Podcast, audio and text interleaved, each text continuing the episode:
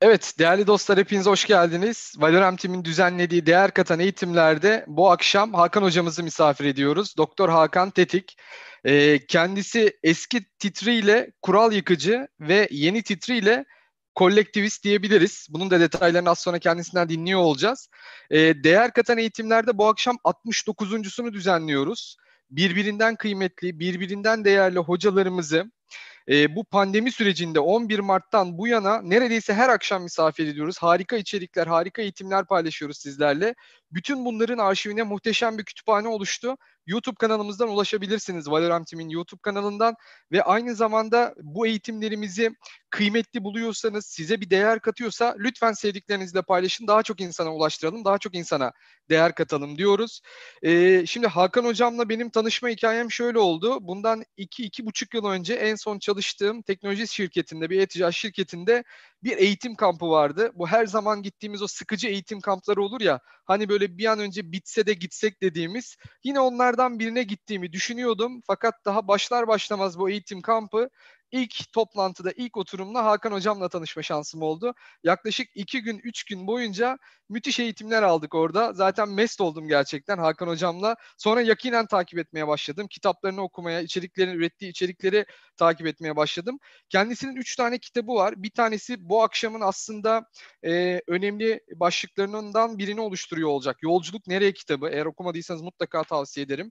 Ezber, e, ezber bozan ürün yönetimi ve tasarım odaklı ürün yönetimi kitapları var müşteri deneyimi, stratejik düşünme ve tasarım odaklı düşünme konularında Türkiye'deki en önemli isimlerden bir tanesi Hakan Hocam. Ee, ben şimdiden kendisine çok teşekkür ederim. Bize bu değerli vakti, fırsatı ayırdığı için. Hatta şöyle oldu hocam. Sizin isminizi gören dostlarımız bana LinkedIn'den, WhatsApp'tan ya dedi muhteşem bir şey yapmışsın. Hakan hocamız gelecek. Biz mutlaka katılırız bu eğitime. Yani sizinle daha önce etkileşime geçmiş birçok dostumuz sizin isminizi görünce bu akşam değer katan eğitimlere ilk kez katılıyor olacaklar. O yüzden çok da teşekkür ediyoruz size hocam. E, mutlaka sorularımız olacaktır e, Hakan hocamıza. E, chat ortamından yorumlarınızı iletebilirsiniz. Q&A kısmından da sorularınızı iletebilirsiniz. Bu sorular içerisinde de e, en beğenilen sorulara Hakan hocamızın bir sürprizi var. Kendisi söyler onu. E, Q&A'ya yazdığınız soruları da like atarak beğenebilirsiniz. En çok beğeni alan soruları da e, en son toplantının sonunda birlikte cevaplandırıyor olacağız. Çok teşekkür ederiz hocam. Başlamadan önce sizi kısaca da bir tanıyabilirsek daha önce hiç tanımayan dostlarımız için çok mutlu oluruz hocam. Buyurun. Sesimiz kapalı galiba hocam. Evet, Ziya çok teşekkür ederim bana bu fırsatı verdiğin için ve gerçekten şey e, çok mutlu oldum burada olmaktan dolayı. Ve gerçekten heyecan verici. Çünkü her zaman böyle fırsatlar olmuyor. Yoğunluktan dolayı pek e, vaktimiz de kalmıyor. Ama evet e, çok heyecanlıyım ve özellikle bugün strateji konusu benim çok takık olduğum bir konu. Herkesin bir merak konusu vardır. Ben stratejiye bayağı kafa yoran bir insanım e, o yüzden de her zaman bu konuda kendi hayatımı da bu doğrultuda yaşamaya çalışıyorum. Tabii Türk toplumu açısından baktığımız zaman da bugün de anlatacağım biraz. Strateji gerçekten Türkiye'nin önemli bir sorunu. Evet, senin de bahsettiğin gibi Yolculuk Nereye kitabını yazmamın sebebi de o. Aslında kurumsal hayatta çok fazla iş yapıyorum. Ama bir taraftan da e, ister istemez e, insanlara dokunmak ihtiyacı hissettim. Ve geçen sene bu kitaptan 4000 tane ücretsiz dağıttım. Hani e, ve şöyle bir şartım vardı ücretsiz dağıttıklarıma. Bu kitabı okuduktan sonra 3 kişiye ilham olup bu kitapta öğrendiklerini aktarmak koşuluyla veriyorum bu kitabı. Yoksa bu kitabı alma diyordum. Hesapta şöyle de 12 bin kişiye ulaşsın kitap. 12 bin kişiye ulaştığı zaman etrafındaki 7-8 kişiyi etkiler herkes. 100 bin kişinin geçen sene stratejik farkındalığını yükselttiğini düşünüyorum ve bundan dolayı çok gurur duyuyorum gerçekten. Ve, ve hocam gerçekten elinize sağlık. Okuması da çok keyifli. Böyle evet. kocaman karakterli, e, bolca resimli. E, evet. dolay, dolayısıyla yani tek oturuşta böyle bitirebileceğimiz bir kitap aslında. Ben tek oturuşta bitirmiştim hocam. Evet zaten amaç oydu. Şimdi şöyle e, ürün yönetimi eğitimleri ve e, bu konu kitabım da var. Ürün yönetimi konusu çok ciddi kafa veriyorum. Bu aslında iyi bir ürün. Neden? Hedef kitlesi Türkiye'deki herkes okusun diye yazdım ben bu kitabı. Herkes okusun diye olduğu zaman da Türkiye'deki kitabın öncelikle bir ince olması lazım. İnce oldukça. Ee, onun dışında içinde bol bol şekiller olması lazım. O da işte böyle çeşitli şekillerle zenginleştiriliyor. Ve e, çok kafa yordum ben illüstrasyonlara, şunlara, bunlara ve gerçekten çok şey, heyecan vericiydi. Kitabı yazmamın sebebi tamamen buydu ve çok kişinin okuduğunu da biliyorum. Çünkü ciddi sayıda satıldı kitap ama e, tabii artık zamanı geldi. E, 30 Haziran'da yeni bir kitabı bitirmiş olacağız. O Süper. kitabın da adı Her Gün Yeniden Öğrenmek. Her gün yeniden evet. öğrenmekteki amaç da şu. İşte anla öğretme üzerine bir buçuk yılda çalışıyorum ben. Yani bildiklerinizi nasıl bırakırsınız? Onu da metodolojilerle ve bazı araştırmalarla birleştirdim. E, yeni kitap çok heyecan verici. Onun da e, inşallah yakın zamanda Lansmanını birlikte yaparız hocam. Çünkü aynı İnşallah. misyonu paylaşıyoruz. Biz her gün birlikte öğreniyoruz eğitimlerde Süper. hocam. Süper. Harika. Şimdi e, beni tanıtan bir sayfam var. Çok uzun oraları zaman harcamak istemiyorum ama bugünün sürprizi şu. E, gerçekten Q&A'lerde en çok oy alanlar e, gün sonunda bu kitaptan kazanacak. Beş tane kitap vereceğim bugün hediye olarak. Bir de benim yeni kurduğum bir şirket var Shifted Minds diye. Oradan da e, bu seminere katılan, sonuna kadar katılan herkese ücretsiz bir haftalık kriz ortamında liderlik eğitimini hediye edeceğiz. Wow, süpermiş. Keş, keşke daha önceden söyleseydik hocam. Daha çok kitle kitleye ulaşırdık bu ödüllerle. Ama bizim amacımız kitlerden ziyade kaliteli e, insanları doğru, doğru. toplamak. O yüzden e, aslında hediye değil. Dolayısıyla bu çerçevede ilerliyor olacağız. Evet, çok o zaman ben e, sunumla başlayayım ve e, biraz aslında anlatayım. E, aslında fikir çok basit. Yolculuk Nereye kitabın ortaya çıkış felsefesi o. Felsefe stratejiden kaynaklanıyor. Ben stratejiyi temelde ikiye ayırıyorum Ziya.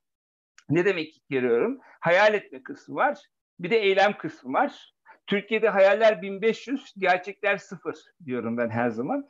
Yani biz hayal etmeyi bilen bir toplumuz ve genellikle hayallerimiz var. Yürürken, sahilde yatarken, e, muhtelif yerlerde Türklerin kafasını çalıştığı başka yerler var diyoruz. Orada hayaller gerçekten oluyor ama e, harekete geçmekte çok zorlanıyoruz. O yüzden aslında strateji disiplini ikiye ayrılıyor. Stratejik düşünme dediğimiz, stratejik düşünce dediğimiz bir kısım var. O hayal etmeyi kapsıyor.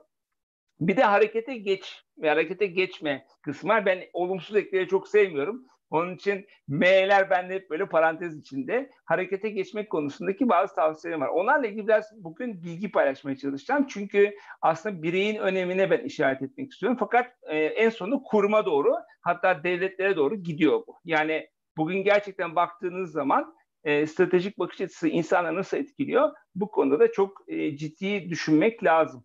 Bu arada benim e, uzun yıllardır sahip olduğum bir ünvan vardı. Bu ünvan adı kural yıkıcıydı. Ben onu 31 Mayıs'ta terk ettim. Normalleşme süreciyle birlikte bununla ilgili bir video yayınladım. Bu videonun da tek bir amacı vardı. Artık ben kural yıkmıyorum. Zaten bütün kurallar yıkıldı. Zaten dönüşümün dibini gördük. Zaten konuştuğumuz ve inkar ettiğimiz her şeyi yapmak zorunda kaldık. Artık kolektif olma zamanı dedim ve adımı değiştirerek kolektivist koydum. Kolektivistin ne olduğunu söyleyeyim. Kolektivist ne demek? Kolektif bilinci aşılayan kişi demek. Kolektif bilinç nereden geliyor? Aslında insanların kolektif zekalara sahip olduğunu ve bu kolektif zekada herkesin bir zeka çeşidinin olduğunu, aslında akıllı olmaktan değil, nasıl akıllı olmaktan bahsetmemiz gerektiğini. Çünkü her insanın güçlü bir yönü var ve aslında kolektif bilinç bu güçlü yönleri bir araya getiriyor. E, ve kolektif bilinç ne zaman ortaya çıkıyor? E, esas itibariyle büyük meseleler olduğu zaman ortaya çıkıyor. Ve aslında pandemi bize bunu, bunu yaşattı. Neyi yaşattı bize? Gerçekten büyük bir mesele vardı. Ve bu dönemde işinden şikayet eden, e, maaş artışı isteyen kimseye rastladığınızı mı bilmiyorum. Çünkü mesele hepimizin çok üzerine bir mesele haline geldi ve biz birbirimizi kollamaya başladık. Dolayısıyla kolektif bilincin ortaya çıkması için meselelerin büyük olması lazım. Ama bunu beklemeye gerek yok. Eğer biz bunu bilinçli yönetirsek gerçekten kolektif bilince geçebiliriz. O zaman hep herkesin kazandığı ideal formüller yaratabiliriz diyorum ben. Kolektivistin de anlamı bu. Hocam bu ufak bir ufak bir şey söyleyebilir miyim? Biz gözden Tabii. kaçırmışız galiba. Şimdi sizin e, kameranız e, bilgisayarınızdan sesiniz tabletten geliyor ya slaytları evet. aktarırken görüntünüzü yayına veremiyoruz. Şu anda Facebook'ta, YouTube'da ve Twitch'te canlı yayındayız. Muhtemelen e, şey Zoom'da da arkadaşlar göremiyor. E, yani sesi verdiğimiz yerdeki kamerayı da açabilir miyiz diyecektik. Şimdi oldu. Tamam o zaman ötekini kapatayım. Ötekini kapatalım size zahmet. Şimdi tekrar şeye gidelim. Hı hı ve share edelim. Evet. Bakalım. Görüntü nasıl? Şimdi tamamdır hocam. Harika. Çok teşekkürler. Okey süper. O zaman devam edebiliriz arkadaşlar. Şimdi bu çerçevede baktığınız zaman e, kolektivistin anlamı buydu. Strateji benim gerçekten uğraştığım bir konu. Müşteri dönüşümü, insanların dönüşümü ve müşteri dediğim şeyin aslında özünde insan olduğunu hatırlatmakta fayda var. Biz hangi işi yaparsak yapalım aslında biz toplamda e, neyden bahsediyoruz? Biz müşterilerimizin olmasından bahsediyoruz ama bunların üzerinde insan olduğundan bahsediyoruz ve dönüşüm dediğimiz zaman da bazı iş kurallarını değiştirme yeteneğimizden bahsetmemiz gerekiyor. Bu çerçevede baktığınız zaman aslında e, ona göre ilerleyebiliriz. Evet sevgili arkadaşlar böyle iki tane cihaz şey oldu. Bu bana sürpriz oldu. Evet Einstein benim hayran olduğum bir adam. Bir Da Vinci hayranıyım ben. Bir de Einstein hayranıyım. Ve bu hayranlığımın sebebi şu. Bu insanlar e, çoklu zekaya sahipler. Ve bu çoklu zekaya sahip insanlar bizim için çok önemli. Çünkü e, holistik zekadan bahsediyorum ben her zaman. Holistik zeka dediğim zaman aslında bahsettiğim şey çok belli. E, bütünsel bir zekadan bahsediyorum. Einstein de buna sahipti ve buna aynı şekilde şey de sahipti. E, da Vinci de sahipti. Ve bu çerçevede baktığınız zaman aslında eğitim demeyi sevmiyorum ben. Eğitimden çok daha önemli bir şey var benim aslında her zaman söylediğim. E, o da benim her zaman onayladığım ve bahsettiğim şey aklın eğitilmesinden bahsediyoruz. Dolayısıyla ben bütün eğitimlerimde her zaman aklın eğitilmesi yönünde e, hareket ediyorum. Çok kısa benle ilgili bilgi, kolektivist olduğumdan bahsettim. E, yaşım 50'den fazla, onu da söyleyeyim. Böylelikle bilinmiş olsun. 30 küsur yıllık bir mesleki geçmişim var. Ve bu çerçevede baktığınız zaman e, oldukça tecrübeli olduğunu söylenebilir. 150 bin öğrencim oldu bugüne kadar. Bunu bazen yazınca insanlar bu aylık kazancınız mı hocam diyorlar. Hayır diyorum bu bugüne kadarki öğrenci sayısı. Dolayısıyla o konuda hiç kimse paniğe kapılmasın. Ee, aynı şekilde ilk 500 şirketin %70'iyle çalışıyorum. Yani bugüne kadar ilk 500'den 400 şirkete danışmanlık yaptığımı söyleyebilirim rahatlıkla. Ve bunun içerisinde oldukça büyük şirketler var. 14 tane şirket kurdum. Bunların 7 tanesini, 8 tanesini paraya çevirdim ama e, bir tanesini batırdım. O batırdığımdan aldığım dersi hiç unutamıyorum. O yüzden her zaman söylediğim bir şey var. İyi bir işletmeci olmak istiyorsanız öncelikle bir şirket batırmış olmanız lazım. Evet, bana ulaşmak isteyenler hakantetik.com'a ulaşabilir. LinkedIn'den de ulaşabilir. Ve bu çerçevede aslında hareket edebiliriz. Evet, şimdi e, bu pandemi döneminde çok enteresan şeyler oldu. Ben birçok konuşma yaptım. E, konuşmalarda hep bana sorulan şeyler var. Bir tanesi leadership e, konusu. Liderlik aslında stratejiyle çok alakalı. E, liderlik ön plana çıktık pandemi döneminde. Çünkü liderlerin aslında bir şekilde bu sistemleri kurtarma konusunda ve liderlik etmesi konusunda bir arayış çoktan vardı. Pandemi süreci bunu pekiştirdi. Kültürden bahsediyoruz. Stratejinin ayrılmaz bir parçası. Kültür, e, Peter Drucker'ın çok güzel bir lafı var. E, kültür stratejik kahvaltıda yer diyor. Yani dolayısıyla gerçekten kahvaltı yenilmek istemiyorsak stratejik geliştirirken hem bireysel hem kurumsal tarafta gerçekten kültürü çok dikkat etmeniz lazım. Agility'den bahsediliyor, çevik olmaktan bahsediyor ama burada da bir kavramsal karmaşa var. Biz millet olarak hızlı olmakla çevik olmayı karıştırıyoruz ya. Ne demek bu? Aslında çevik olmak şu demek, veriye sahipsiniz demek ve çabuk karar alıyorsunuz demek. Hızlı olmaksa aslında veri olmadan da çok hızlı olmakla övünüyorsunuz demek. Dolayısıyla hızlı olmakla e, şey olmak, çevik olmak arasındaki farkı da özellikle bir e, belirtmek istedim. Empowerment'tan bahsediyoruz. Yani bilene yetki devrinden bahsediyoruz. Çünkü yetki devri yaptığımız zaman daha güçlü hale geliyoruz. Ve yetki devri çok önem kazandı. Çünkü siz bir insana bir sürü yetkiler veriyorsunuz ama onları kullanabilecek yeteneklere sahip olması lazım. Bu da yine çok konuşulan kavramlardan bir tanesi. Resilience. Resilience dediğimiz zaman e, dayanıklılıktan bahsediyoruz. E, bilişsel esneklik deniyor buna. Aslında düştüğün zaman ayağa kalkabilme kabiliyeti. E, bu da aslında çok konuşulan kavramlardan bir tanesi ve aslında bir insanın belli durumlara karşısında e, ayağa kalkabilme gücünü yani ben ona içten yanmalı motoru olan insanlar diyorum. Bazı insanlar vardır böyle motivasyonu kendi kendine sağlarlar. Dolayısıyla onunla ilgili yazılarım da var benim. İçten yanmalı motor olan insanlara ben resilient insanlar diyorum. Yani aslında bunlar dayanıklı insanlar oluyor. Risk yönetiminden bahsediyoruz. E, bu dönemde çok soruldu bana. Risk yönetimini pandemide nasıl yapmak lazım diye. Buna da baktığınız zaman aslında risk yönetmek değil, gerçekten e, işi yapmaktan bahsetmemiz lazım. İşi yaparken riski düşünmekten bahsetmemiz lazım. Risk öncelik değil. Öncelik iş yapmak arkadaşlar. Ondan sonra onun riskini tartmak gerekiyor. E, collaborative intelligence yani kolektif zeka. Buna girişte biraz değindim. Artık kolektif zekaya çok önem vermemiz lazım. Zekanın aslında yönü. E, orada işte görsel, işitsel ve bedensel zeka diye kavramlar var. Çok tavsiye ederim bu konuyu kafa yormaları insanların. Çünkü e, aslına bakarsanız biz hala şunu söylüyoruz. Mühendis olmak iyi bir şey diyoruz. Halbuki mühendis olmak sadece tek başına yetmiyor. Daha çok yakın zamanda güzel bir uluslararası e, konferansta dinledim. E, mesela e, doktor olmak yetmeyecek. Yapay zeka bilen doktor olmak gerekiyor gibi kavramları konuşuyoruz. E, bu futurist bir yaklaşım da değil. Bu artık günümüzde gerçekten konuşmaya başladığımız kavramlar karşımıza çıkıyor. Kriz yönetimi, kriz yönetimi, kriz yönetimi. Yani çok bahsedildi bundan. Tabii ben buna şöyle bir açıklık getirmek istiyorum. Türkiye zaten bir kriz ülkesi ve biz krizleri yönetmeyi biliyoruz. Pandeminin şöyle bir farkı oldu hepimiz açısından. Sosyal bir kriz yarattı. Sosyal bir kriz yarattığı için hayat kalitemiz, yaşam tarzımız, her şeyimiz çok fazlasıyla etkilendi. Ve bu kriz yönetimi çerçevesine baktığınız zaman e, biraz pandemi göbeğimizi yarıp geçti diyorum ben. Yani gerçekten çok e, olağan dışı bir durumla karşı karşıyayız. Ve bütün dünyada e, onun için krizin en tepe noktasını görüyoruz.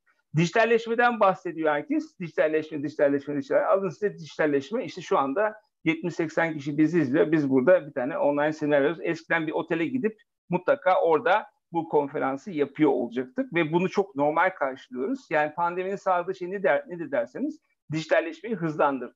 Gayet basit bir şey yani. Dolayısıyla hepsini birleştirdiğimiz zaman çok konuşulan en popüler kavram dünya diyor ki şimdi VUCA dünyasında yaşıyoruz. Bilmiyorum duydunuz mu bunu? Volatility, Uncertainty, Complexity ve Ambiguity diye geçiyor. Diyor ki her şey çok değişken, her şey çok muğlak, her şey çok belirsiz ve her şey çok kompleks diyor. Onun için dünyada şirketleri yönetmek çok zorlaştı diyorlar.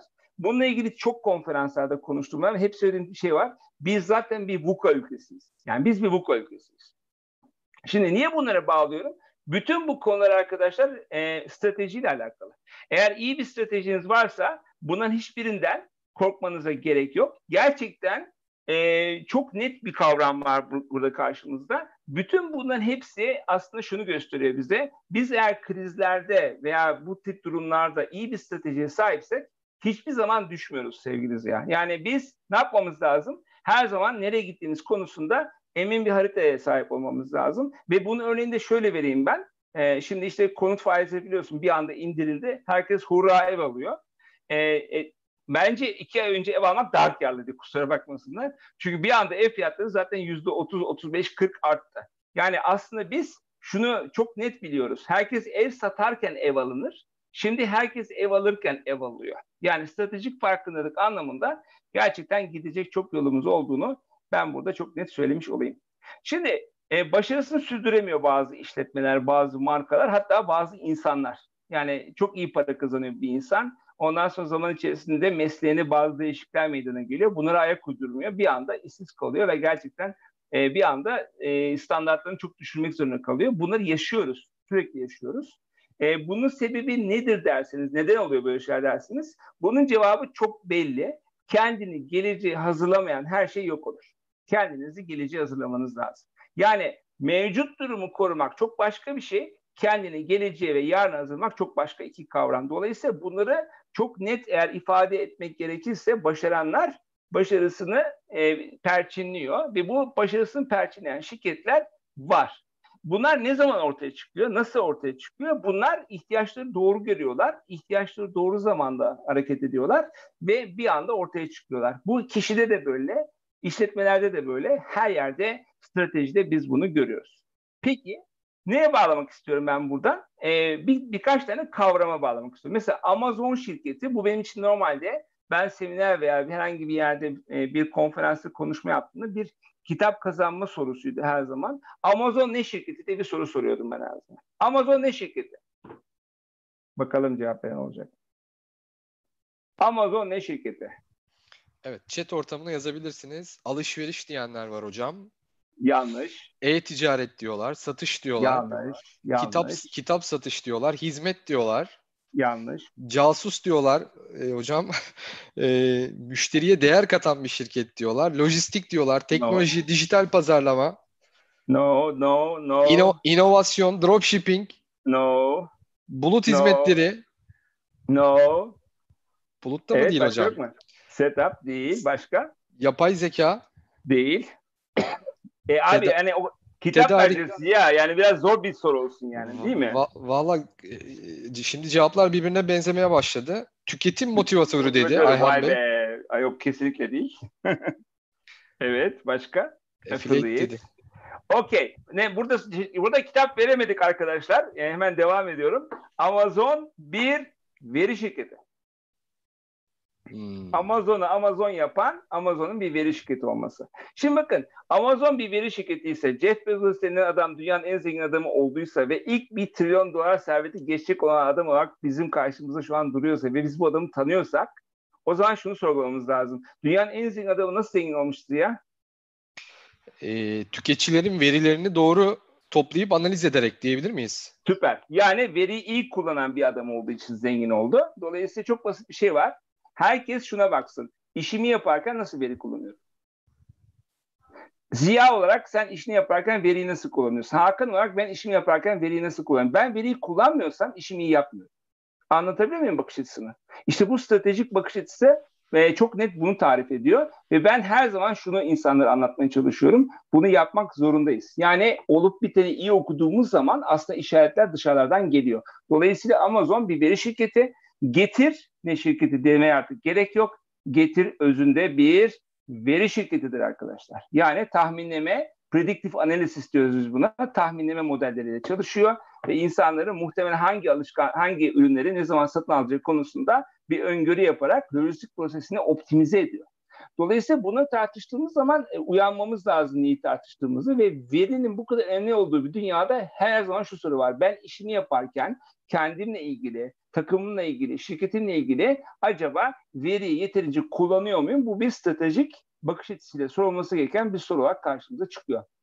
Sonra çok enteresan bir şey var tabii. Netflix çok başarılı şirketlerden bir tanesi. Bununla ilgili çok sevdiğim bir hikaye var. Uber'in CEO'su 2018'in sonlarına doğru bir açıklama yaptı ve çok net şunu tarif etti. Dedi ki benim dünyadaki en büyük rakibim Netflix dedi. Şimdi bu ne demek? Ne demek bu yani? Ne, nereden çıkıyor? Birisi işte televizyon kanalı veya işte çeşitli filmleri e, veren, buluttan yayın yapan bir yer. Bir tanesi ise taşımacılık hizmeti. Tahmin e, edebilir miyim hocam? Tahmin et bakalım Ziya'cığım. Yoksa ödüllü soruysa ben tahmin etmeyeyim Değil bunu. bu ödüllü soru. Bu çok tamam. kolay çünkü. Ben bunu oyun şirketleri ve Netflix birbirlerinin rakip olarak e, konumladıklarında okumuştum. İnsanların e, zamanlarına e, şey, hedefliyorlar ve onların zamanlarını e, şey yapmaya çalışıyorlar. E, dikkatlerini ve zamanlarını toplamaya çalışıyorlar kendi ürünleri üzerine. Çok güzel. Kubilay'dan cevap geldi. Kubilay, Kubilay, biz, Kubilay kitap verelim Kubilay'a. Çok güzel yazdı. Netflix insanları evde tutmaya çalışıyor. Uber insanları dışarı çıkartmaya çalışıyor. Müthiş. Şimdi dolayısıyla diyor ki ne, e, Uber'in CEO'su benim rakibim Netflix diyor. Şimdi rekabet dünyasının geldiği noktaya bakın ve gerçekten bizim bunu kabul etmemiz lazım. Bunları iyi okuduğumuz zaman rekabetin yeniden şekillendiğini fark etmemiz lazım. Gerçekten bunlar bizim için çok çok önemli ve biz diyoruz ki bunları iyi okuyun, stratejik farkındalığınızı bu konuda acayip şey yapın. Yani soru işareti çok basit. Acaba ben gerçekten olup bitenleri doğru şekilde anlayabiliyor muyum? Stratejik bakış için buna uygun mu? Ve ben bütün bunları yaparken gerçekten e, neyin farkındayım, neyin farkında değilim. Çünkü hani inovasyondan bahsediyoruz mesela. İnovasyon eğitiminde benim söylediğim çok basit bir şey var. Her zaman diyorum ki arkadaşlar diyorum inovasyonu aramayın diyorum. Zaten inovasyon burnunuzun dibinde yani. Burnunuzun dibini iyi görün. İyi gördüğünüz zaman oradan bir çıkarım yapın. O zaman çok rahat ilerlersiniz diyorum. Evet, Peki ne bizi zorluyor? Çok net söyleyeyim. Stratejide baktığımız şey ne? Sürdürülebilirlik aslında istiyoruz. Yani biz sürdürülebilir olmak istiyoruz. Ee, yani biz pansuman yapmayacağız arkadaşlar. Tedavi yapacağız ve geleceğe hazırlanacağız. Sağlıklı olacağız, iyi olacağız. Şirketlerimiz iyi olacağız, biz, biz iyi olacağız. Devletimiz iyi olacak. Yani bir şey yaptığımız zaman bu attığımız taş, taş ürküttüğümüz kurbağaya gelmesi lazım. Dolayısıyla sürdürülebilirlik e, stratejinin birinci kavramı. Etkin olmak çok önemli. Burada yine çok önemli bir kavramdan bahsedeceğim. E, aslında bir işi verimli yapmayı konuşuyoruz ama bir işi etkin yapmayı daha çok konuşmamız lazım. Etkin olan insan doğru işi yapar. ve verimli olan insansa işi doğru yapar. Dolayısıyla bu çerçevede baktığınız zaman da strateji bizi nereye götürüyor? Mesela ziya olarak bir olayla karşı karşıyasın ve karar vermen gerekiyor. Önünde bir iş listesi var, 15 tane iş var. Hangisini önce yapman lazım? Ee, en büyük getirisi olanı önceliklendirmek lazım herhalde değil mi? Yes, nispeten. Şöyle söyleyelim. Ziya'ya stratejik olarak en çok faydası olan işi önce yapman lazım. O en doğru iştir çünkü. Dolayısıyla stratejin yoksa aslında etkin olamıyorsun. Karar mekanizması kilitleniyor. Dolayısıyla doğru kararları etkin vermenin tek yolu var. Bir stratejiye sahip olmak gerekiyor. Mesela Ziya ben sana şu anda kazandığının 5 katını veriyorum. Bir kurumsal şirkete giren olarak işe almak istiyorum. Gülerdim herhalde hocam. Teşekkür ederdim şu anda herhalde. Şu anda teşekkür ediyorsun. Yani demek evet. ki senin yol haritan artık öyle bir şey evet. değil. Yani yol haritanda başka bir şeyler var. Artık burada tartıştığımız şey e, o değil. Ama stratejin olmasaydı ne yapardın? Ya, ya iyi, iyi teklif acaba bir dinlesem mi falan filan derdin. Evet. Ve buna acayip bir zaman geçirirdin. Halbuki sorunun cevabı çoktan hazır olması lazım. Stratejide siz bir soruya ne kadar hazır olduğunuzla alakalıdır. Yani siz bir soruya olumlu veya olumsuz cevap verdiğinizde aslında karar anı o anda oluşmuyor. Karar anı önceden oluşuyor. Ben hep onu anlatıyorum. Yani önceden oldu bu olay ve sen sadece karar veriyorsun o anda. Dolayısıyla etkinlik çok önemli. İş modellerini zorlamayı hepimiz biliyoruz. Zorlamak gerekiyor. Yani yeni bir şeye zorlamak gerekiyor. Dijital yetenekler çok çok önemli strateji geliştirirken ama çok e, önemli bir şeye geliyorum. Şimdi verinin akla dönüştürülmesi. Şimdi dik evde bir konsept var. Burada diyoruz ki biz her yerde veri var. E, veri çok fazla ve biz aslında verinin içinde boğuluyoruz. Dolayısıyla seçicilik yapmaya çalışıyoruz. O verinin bir kısmını enformasyona dönüştürüyoruz. Yani bize faydalı veri haline getiriyoruz. Buna da yetinmememiz lazım. Bu enformasyonu biz bilgiye dönüştürüyoruz. Ona knowledge diyoruz biliyorsunuz. E, knowledge dediğimiz zaman bilgi sahibi olmaya başlıyoruz. Fakat knowledge'da da yetinmememiz lazım. Çünkü onun için hiçbir kıymeti yok. Dolayısıyla neye dönüştürmemiz lazım bunu? Akıla dönüştürmemiz lazım. Yani bilginin akla dönüşmesi gerekiyor ve bu veriden başlıyor. E, sizden ricam şu, çok veriyle uğraşmayın akıl üretin. Akıl için üretin, akıl için öğrenin, akla hizmet edin ve aklınızı geliştirin. Çünkü verinin sonu yok arkadaşlar. Bugün internetin karşısına oturup 5 saat oturduktan sonra hiçbir şey öğrenmemiş olabilirsiniz. Gerçekten buna çok dikkat etmeniz gerekiyor. İnovatif olmak, yenilik yapmak çok önemli ve yeni nesillerde çok ipucu veriyor bize strateji geliştirirken. Yani gerçekten bugün çocuğu olan çocuğuna baksın. O nasıl eğitim alıyorsa gelecekteki eğitim modeli buna doğru gitmesi lazım. Onun alışkanlığını gözlenmesi. Kitap okumaya da kızıyor çocuklara. Zaten kitap okumayacaklar. Hepsi artık 3-5 dakikalık videolar halinde eğitime alıştılar. E bunun ötesi artık yok. Yani izlememiz lazım. Niye bunları anlattım? Çünkü aslında bir gerçek var. Ne güçlü olan tür hayatta kalıyor ne de en zeki olan değişime en çok adapte olanlar hayatta kalıyor. Yani stratejik olarak kendi geleceği hazırlayanlar bu işin kazananları olmaya devam edecek sevgili arkadaşlar. Tabii kolay bir şey değil. Çünkü değişimden bahsederken dönüşümden de bahsetmemiz lazım. Ben bir strateji uzmanıyım ama daha çok bir dönüşüm uzmanıyım. Yani dönüşüm şu demek, gelecek için bir şey yaratmak demek. Yani Ziya'nın bugünkü haliyle e, Ziya'nın önceki haline bak karşılaştır şimdi. Acayip bir dönüşüm geçirmedin mi Ziya? Evet. Yani sen bir dönüşüm geçir, sen değişim geçirseydin e, kurumsal bir şirkette bir pozisyon daha yukarı çıkardın. O olurdu, bu olurdu. Araba modelini değiştirdi falan filan ama sen ne yaptın? Değişim geçirmedin. Var olanı iyileştirmedin. Yani geçmişi tamir etmekle uğraşmadın. Ne yaptın sen? Yeni bir hal aldın. Yeni bir hal almak dönüşüm demek. Onun için stratejiyi ikiye ayırıyorum ben. Değişim stratejileri vardır, dönüşüm stratejileri vardır. Ve baktığınız zaman e, bu bizi çok ilgilendiren bir şey. E, aslında şöyle zaman kaybetmek istemiyorum ama sizden bir ricam olacak. E, hayatta üstesinden geldiğiniz en büyük engel bugüne kadar neydi? Ve bu e, bu seminer bittiği zaman herkesin e, seminer bittikten sonra oturup 5 dakika düşünmesini istiyorum. Bu engeli siz mi yarattınız? Bu engel dış etkenlerden mi geldi? Neden bunu yapmanızı istiyorum? Çünkü biz dayanıklıyız. Biz olağanüstü durumlarda ayakta kalmasını hep bildik. Yani pandemi, mandemi hepsi aslında nedir? Hayatta bizim için her zaman karşılaştığımız problemlerden bir tanesidir. Yani belki ülke olarak, dünya olarak pandemi yaşadık ama her birimizin kendi başına yaşadığı çok büyük engeller oldu ve biz bu engellerin hep üstesinden geldik. Her engelin üstesinden geliyoruz. Ama ne zaman üstesinden geliyoruz? Umudumuz varsa. Umut neyle yaşarıyor? Hayallerle. Hayale sahip olmak için ne yapmanız gerekiyor? Bunu harekete geçirmeniz gerekiyor. Dolayısıyla baktığınız zaman hayaller çok önemli. Hayalleri stratejilerle zenginleştirmeniz lazım. Yani 2025 ziyası nasıl bir ziya dediğinde çatır çutur anlatman lazım. Sabah yataktan kalktığın zaman ziya olarak 2025 ile ilgili bir hayalin olması lazım. Eğer bu hayalin varsa bu seni dayanıklı yapıyor. Çünkü anlam kazanıyorsun. Çünkü sadece para için e, çalışmıyoruz. Bir şeyler yapmaya çalışıyoruz hayatta. Kendimizi gerçekleştirmeye çalışıyoruz. Onun için strateji o ziyayı yaratmak üzere aslında kurulması lazım diye özetleyelim. Böyle baktığınız zaman da bugün var, gelecekte olmak istediğim durum var. Bir aksiyon planı tabii oluşturuyorum ve bu aksiyon planından bir yerden bir yere gidiyorum. Strateji dediğimiz şey bu. Şimdi bu bireyde de var, takımda da var ve kurumda da var. Yani ne demek bu? Birey, takım, kurum. Yani bireysel olarak da ben strateji geliştirebilirim. Bir takımım varsa takımımla da ben strateji geliştirebilirim. Bir kuruma aitsem ve o kurumda yetki sahibiysem özellikle strateji geliştiririm. Ama bir kurumda çalışırsam, bu lafımı unutmayın, kusura bakmayın, o kurumun nereye gittiğini bilmeden karar falan veremezsiniz. Yani sağlıklı karar vermenin tek yolu var. Kurumun gittiği yönü anlamanız lazım. Dolayısıyla strateji dediğimiz şey çok ciddi bir omurga veriyor. Her türlü karar mekanizmasına bize destek verdiğini unutmamakta fayda var.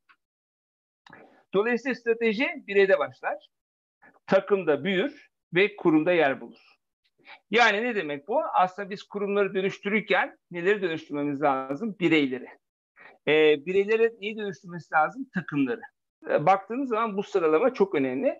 Evet en büyük engele geldik, çattık. İşte o yüzden bu kitabı yazdım. Türkiye strateji yoksunu bir yer. Ne demek strateji yoksunu bir yer? Bakın şöyle büyütüldük. Kısmetse olur. Kervan yolda düzülür. Olduğu kadar olmadığı kadar. Kız e, hayırlısı buymuş evladım. E, biliyorsunuz değil mi bu cümleleri? Bu cümleler Türk toplumunda çok kullanılan cümleler. Kısmete ben de dinen çok inanıyorum. Çünkü kulum sen iste, ben sana vereceğim ve vermesen de vardır sebebi diyor. Yani böyle kavramsal olarak güzel. Ama ben başka bir bakış açısı getirmek istiyorum. O da şu. Siz bir şeyi hayal ettiniz ve yapamadınız. Ve bundan da birilerine bahsetmiştiniz. Daha sonra birisi bunu yaptı ve sizde bu çok ciddi bir gaz yaptı. Yani diyorsunuz ki olan başka adamlar yaptı ben yapamadım. Ne biçim aa falan filan diyorsunuz. Ve ben Ziya'ya diyorum ki abi gel diyorum ya. Gerçekten e, biz e, Ziya ile oturuyoruz akşam. Diyorum ki Ziya ya hiç sorma diyorum. Bak böyle oldu şöyle oldu böyle oldu falan filan diyorum. Ziya da diyor ki bana boş ver abi ya diyor kısmet değilmiş diyor. Oh be diyorum ya. Oh ya diyorum bütün gaz gidiyor anda. Nasıl? Birbirimizi rahatlatıyoruz. Yes. Aslında gerçek şu Ziya. Bir şeyi beceremedim abi. Aynaya bakamıyorum. Kendime bunu söyleyemiyorum. Söyleyemediğim için birinin bana beni rahatlatmasına ihtiyacım var. Ve Muhtemelen gerçekten... ben de başarısızım ve birbirimizi teselli ediyoruz. Normal bu diyoruz yani. Yes. Onun için de böyle oluyor. İşte strateji yoksunu olmamızın sebebi bu tür şeylerle etrafımızda hazırda bekleyen bir kütle var. Bizi sevenler bekliyor bu cümleleri kurmak için bize. Dikkat edin bu söylediğim şeye. Ve gerçekten siz dönüşüm yapmak istediğinizde mesela hiç kimsenin yap, yapmadığı bir mesleği yapmak isteyen her çocuğun başına gelen nedir? E bütün çevresi ona ne der? Deli misin sen der ya. Ne işin var senin böyle bir şeyle? Ve biz toplum olarak birisi bir şey söylediğinde ona her zaman onun nasıl neden yapmaması gerektiğini şahane anlatırız. Ama hiç kimseye neden yapması gerektiğini anlatmayız. Farkında mısın? Çok acı değil mi? Çok çok acı. Dolayısıyla bu kitabı bu yüzden yazdım ve bu kitap stratejik bakış açısı hayat yolculuğunu anlatıyor. Anlatırken de tren metaforunu kullanıyorum. Tren metaforu çok önemli metafor. Çok basit bir soru var çünkü. Sen sen nereye gidiyorsan acaba doğru trende misin? Sen doğru trene bindin mi kardeşim? Ve sen bu trende yolculuk yaparken bu trenin gittiği yön senin gittiğin yöne hizmet ediyor. Çok basit bir soru var. Ve ben tabii bunu çok kafaya taktığım için bütün eğitimlerde bayağı insana sordum ve bir analiz yaptım. Türkiye'deki insanlar e, mezun olduğunda genellikle hangi trene biniyor? Evet soru olsun burada. Var mı? Türkiye'de insanlar mezun olduğunda genellikle hangi trene biner? Yani bir iş trenine binecek. Hangi treni? İlk tren. Ramazan Çok, Oğuz kazandı. Güzel cevap ama ilk tren. Evet. evet. Ramazan Oğuz bir kitap kazandı abi. Ramazan Oğuz Ona da bir tane kitap göndereceğiz. Ramazan Oğuz'un dediği şey gibi ilk gelen trene bineriz. Çünkü derler ki bize hadi oğlum hadi sen hele bir trene atla hele bir git derler. Tabii içimizde çok şanslılar var. O şanslıları da ben gerçekten e, gıptayla bakıyorum. Onların bombastik CV'leri oluyor ya da fantastik bir çevreleri oluyor. Onlara bir anda üç tren geliyor. Onlar böyle yapıyor. Vay be hangi trene binsem acaba falan diye bakıyor. Evet yine bir soru ve soralım. Çok kitap açacağız bugün belli oldu. Ziya'yı çok seviyorum o yüzden kitap atalım. Süper. Soru çok basit. Üç tren gelirse e, bu insanlar hangi trene biner?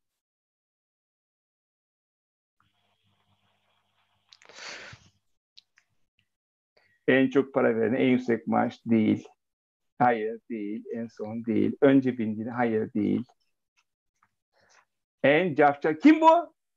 Kimdi o en cafcaflısına? Kimdi İbra- o? İbrahim Yücel dedi en cafcaflısına biner dedi.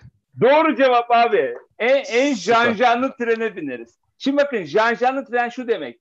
Ben Hakan Tetik olarak Hakan İnşaat'ın sahibiyim abi. Acayip bir para veriyorum. 10 bin lira maaş veriyorum yeni mezun adama. Ama Türksel 5 bin lira veriyor. Sizce hangi trene biner? En havalı trene biner evet. Evet. Çünkü kart vizitte o olacak. Çünkü annesini anlatacak diğer akrabalarına. Benim oğlan Türkcell'de çalışıyor. Hatta bunu da bu da yetmeyecek. Ne demesi gerekiyor oğlu için? Benim oğlum Türkcell'de müdür. Çünkü o zaman rüştümüzü ispatlıyoruz. Ve çok komik bu.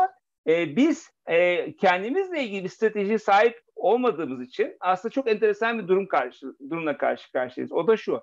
Bizim istasyonlarımız yoksa toplum bize is istasyonları sevgili Ziya'cığım böyle verir. Böyle biz o istasyonlara gideriz. Ne demek böyle gideriz? Nedir istasyonlar? Evlenmen lazım. Değil mi? İş sahibi olman lazım falan filan. Hatta bak çok tipik bir toplum tanışmasını sana anlatayım. Bir adamla tanışıyorsun. İlk sorun şudur. Nerede çalışıyorsun? Ziya nerede çalışıyorsun? Şu anda yepyeni bir iş kurmaya çalışıyorum. Ha, iyi. Türkcell deseydin ne diyecektin? Vay, falan der. Vay, helal olsun. İkinci soru neydi Türkcell'de olsaydın? Ee, görevin ne falan derdi herhalde Tabii. değil mi? Görevi ne? Mesela diyor ki şimdi ben diyor işte diyor uzmanım diyor orada diyor. Yazılım uzmanıyım diyor. Soru şu oluyor. Müdür müsün diyor. Bakıyor adamın tipine yaşı da geçmiş. Uzmanım diyor. Müdür değil ya şöyle diyor. Olsun. Olursun. Olsun. ya diyor ki ulan diyor bu yaşa gelmişlerle müdür olmamışsın diyor. Ve biz bunları ciddi alıyoruz abi. Çok enteresan bir durum var. Sonra sormaya devam ediyor. Evli misin diyor. Ee, eğer yaşın ileriyse ve evli değilsen abi diyor ki kesin bu adamda bir arıza var. Evliysen diyor ki çocuğun var mı diyor. Çocuğun var mı diyor. Ondan sonra diyorsun ki çocuğum yok diyorsun. Kaç yıllık evlisin diyor. Neyi merak ediyor? Olan yapmıyor mu? Yoksa neden neden böyle söyledi falan filan. Bir merak konusu. Çünkü evli ve çocuklu olması gerekiyor. Ondan sonra son sorular geliyor. Gerçekten çok enteresan e, bir durum var. En son soru da şu. Diyor ki nerede oturuyorsun diyor. İşte diyor ki mesela e, Zeytinburnu'da oturuyorum diyor. İkinci soru geliyor. Ev senin mi diyor. Bakın toplumun istasyonları var ve bu istasyonların hepsini geçtiysen sen toplum içinde nesin? Kahramansın abi. Halbuki o istasyonları bize verdiler. Onun için 10 yıllık vadelerle, şimdi 15 yıllık vadelerle ev almak herkesin tek derdi şu anda. Halbuki stratejileri olsaydı belki çok farklı düşünürlerdi. Ben ev almayın demiyorum ama ev alırken de enteresan bir şey oluyor. Hemen devreye giriyor yine toplum ve diyor ki toplumdakiler ev almışken diyor en iyisini alman lazım diyor. Çünkü diyor hayatta diyor ev diyor bir kez alınır diyor. Abi sen site içinde, o içinde, bu içinde normalde 600 liralık bir ev alacakken gidiyorsun 1 milyonluk eve imzayı çöküyorsun. Ondan sonra 10-15 seneni kilitliyorsun. Bu ölçülemeyen bir risk olduğu için stratejik hata arkadaşlar. Çünkü ondan sonra o mengeneye giriyorsun bir daha da oradan çıkamıyorsun. İşte strateji gerçekten çok çok enteresandır. Halbuki biz bir deprem ülkesiyiz. Halbuki biz bir kriz ülkesiyiz. Bunlara çok iyi dikkat etmek lazım. Önemli olan bunlara sahip olmak değil. Önemli olan hayattaki amacını gerçekleştirmek için kendine ait bir stratejiyi geliştirmek ve bunu adım adım yapabilme cesaretini gösterebilmek ve sürdürülebilir hale getirmek. Dolayısıyla bireysel bazda biz buna ne yazık ki sahip değiliz sevgili arkadaşlar. Bu kitabı yazmamın sebebi de bu. Ve bu kitabı e, alan arkadaşlar özellikle tavsiye ederim. En sonunda bazı uygulamalar var. Onları yaparlarsa ne demek istediğimi çok daha iyi anlayacaklar. Okey mi? Burayı kapattık. Bu işin birey kısmıydı. Dolayısıyla baktığınız zaman bir de takım kısmı var. Eğer bir takımdaysanız veya o takımda oynuyorsanız ben Barcelona örneğini çok kullanırım. Hatta Barcelona gibi olmak diye bir dönem bayağı e, ünlü şeyler yapmıştım. E, gerçekten şey e, takım olmak çok önemli. Barcelona buna çok iyi bir örnek. Barcelona'nın şöyle bir özelliği var. E, stratejisi olan bir takım ve dolayısıyla sürdürülebilir bir takım oluyor. İşte e, yaklaşık 165 yıllık futbol tarihindeki 24 bin takım içerisinden 2012 yılı itibariyle dünyanın en başarılı takımıydı çeşitli verilere göre. Şimdi ben böyle deyince ben birileri bir şey söylüyor. Hatta konferanslarda çok bir şey oluyor. Ben bunu anlatıyorum. Hocam diyor geçen sene, geçen hafta diyor Real Madrid'e kaybetti biliyor musunuz diyor. Yani adam bunu anlıyor. Ee, anlaması gereken şey şu elbette kaybedecek. Elbette hata yapacak. Ama o hatadan, o kaybettiği şeyden öğrenecek, kendini düzeltecek ve daha bir, iyi bir takım olarak yola gitmek için tekrar devam edecek. Tekrar devam edecek. Çünkü strateji zaten ne demek? Sürdürülebilir hale gelmek demek. Kaybetmeyi de öğreneceksin, kaybetmeyi de bileceksin. Önemli şu, acaba, acaba bir aksiyon planın var mı sonrasında buna bakmak gerekiyor.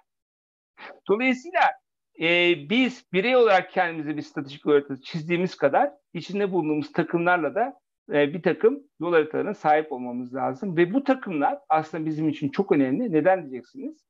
Çünkü bu takımlar bizi büyütüyor. Şimdi Olur da kendiniz bir tane kendinize bir bireysel strateji yazma, yapmak isterseniz bunun e, aslında çok net bir kavramı var. Bireysel stratejiler 5 yıllık yazılır. Yani Ziya oturuyorsa ve kendi strateji yazıyorsa 5 yıllık yazar. 5 yılın anlamı şudur.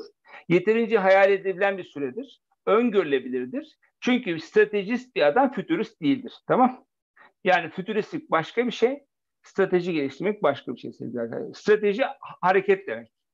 Fütüristik o değil. Fütüristik böyle duyuyorsunuz iyi geliyor falan filan. Zaten hani benim e, baktığınız zaman 10 yıl sonrasında şu an dünyada görebilen bir insan varsa alnını öperim yani. Gerçekten gelsin bana anlatsın yani. Ben normalde bunun öngörülebilir olduğunu düşünmüyorum. Yani onun için fütüristik kavramı bir harekete geçilebilir bir kavram değil sevgili arkadaşlar. Ama fütüristler olasılıkları söyler. Sen olasılıkların içerisinden sana lazım olanları alıp bir şekilde ne yaparsın? İndirgersin. Ama hangi süre indirgemen lazım? O 5 yıllık süreye indirgemen lazım. Ondan sonra ilerlersin. Kurumsal strateji gelince bunlar 5 yıldır. Ama mesela sen hepsi burada da çalışıyordun. Hepsi buradanın stratejisi 3 yıllıktı. Neden diyeceksin? Çünkü çok hızlı değişiyor. Evet, E-ticaret evet. hızlı değişiyor, şirket hızlı değişiyor. O zaman strateji çok daha önemli oluyor.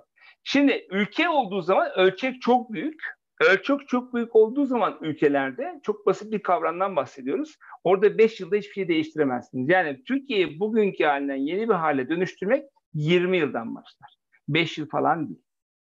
Neye? Ölçek çok büyük. Çünkü çok ciddi bir programa ihtiyacınız var ve baktığınız zaman gerçekten çok çok önemli. Onun için doğru strateji bizim için çok çok önemli arkadaşlar. Çünkü doğru strateji başarının %60'ını veriyor. Yani dünyanın en zeki adamı olsan da acayip yeteneklerin varsa da, çok iyi bir şirketsen, çok taktiksel yeteneklerin varsa, olağanüstü insanlarla çalışıyorsan, dijitalleşmenin dibini vurduysan bile çok basit bir şey var. Eğer stratejin yanlışsa sadece yüzde 40 var cebinde demek. Strateji her şeyin bel kemiği sevgili arkadaşlar.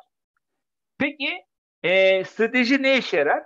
Bir defa anlam kazandırır. E, çok tavsiye ederim. İnsanın Anlam Arayışı bir kitabı var Viktor Frankl'ın e, insanın anlam arayışı bireyle ilgili söylüyor.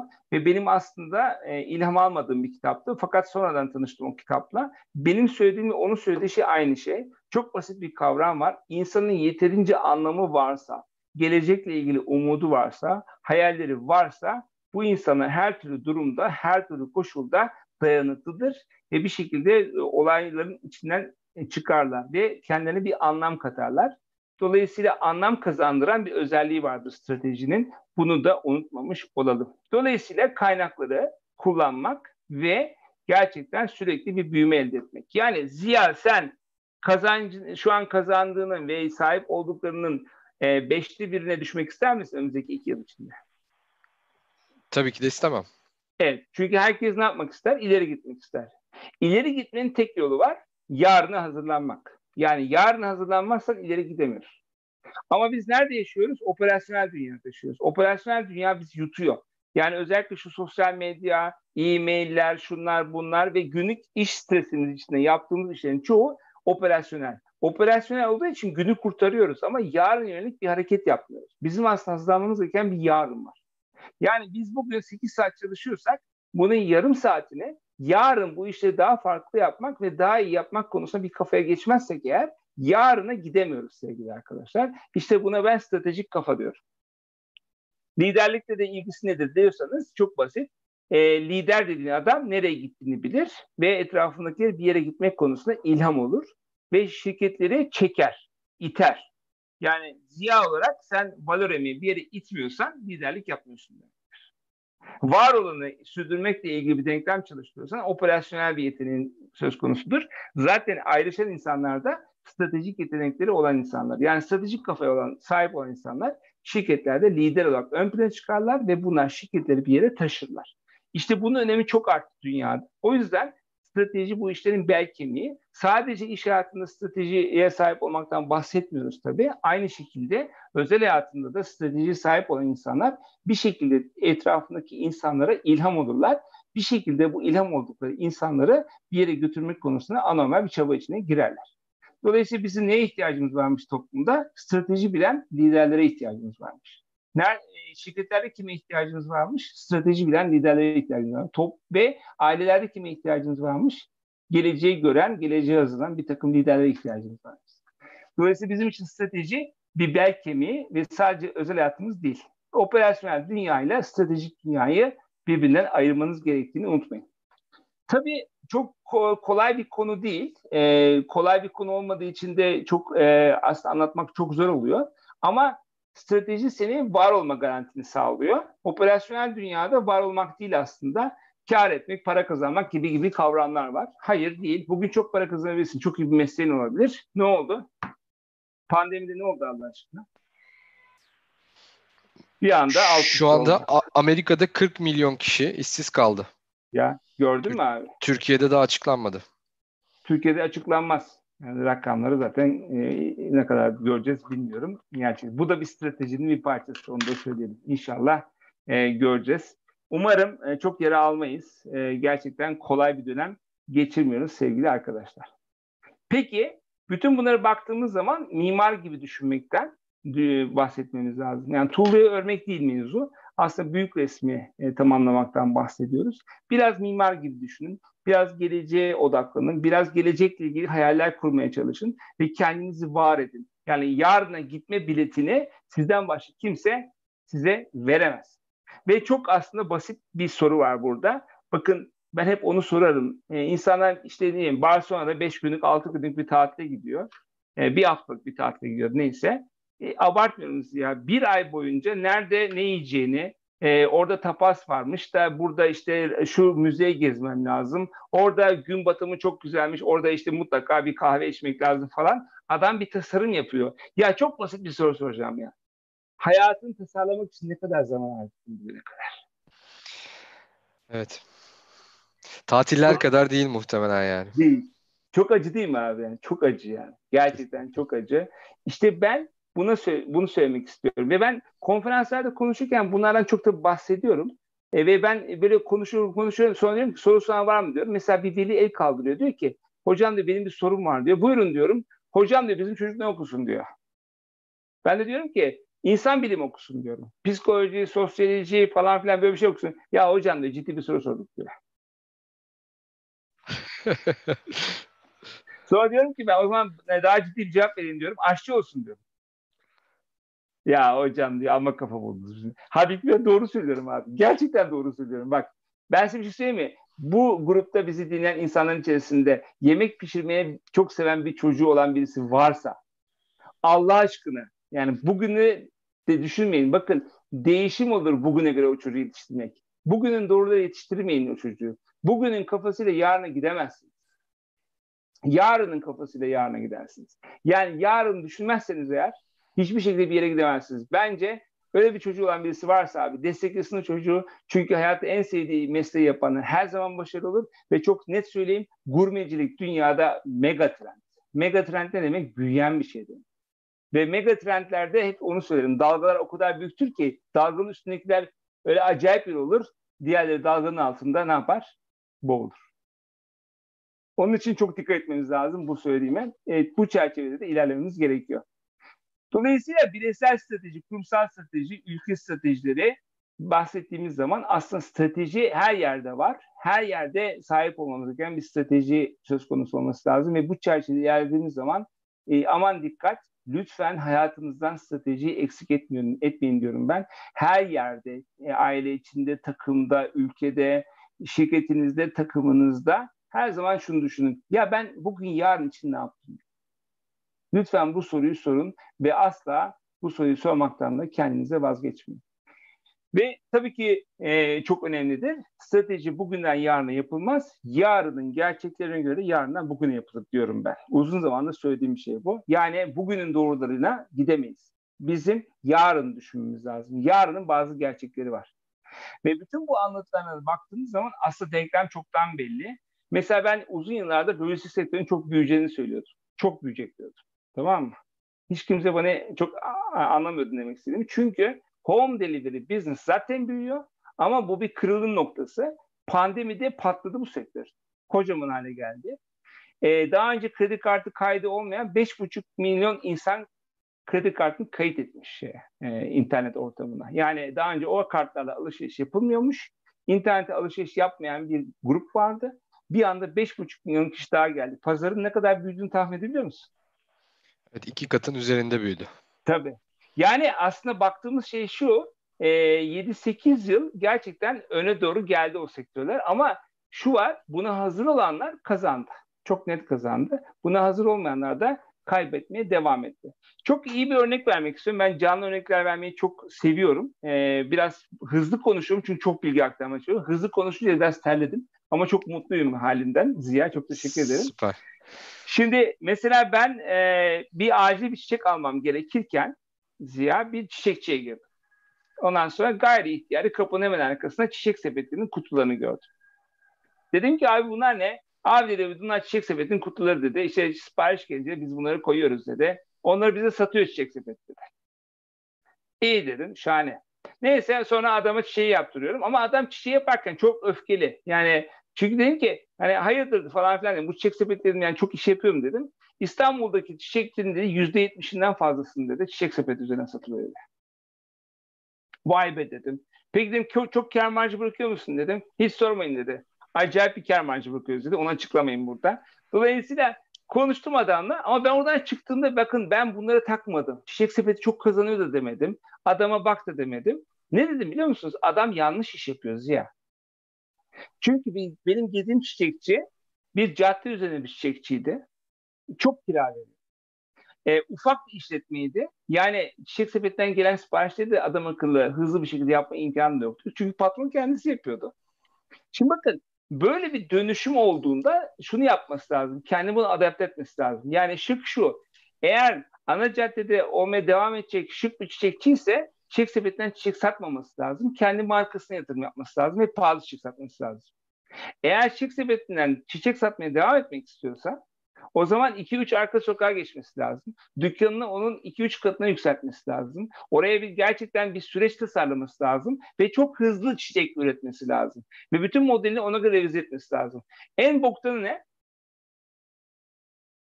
Ne yapacağını karar verememek. Ondan sonra her gün o işi sevmeden yapmaya başlamak. Anlatabiliyor muyum?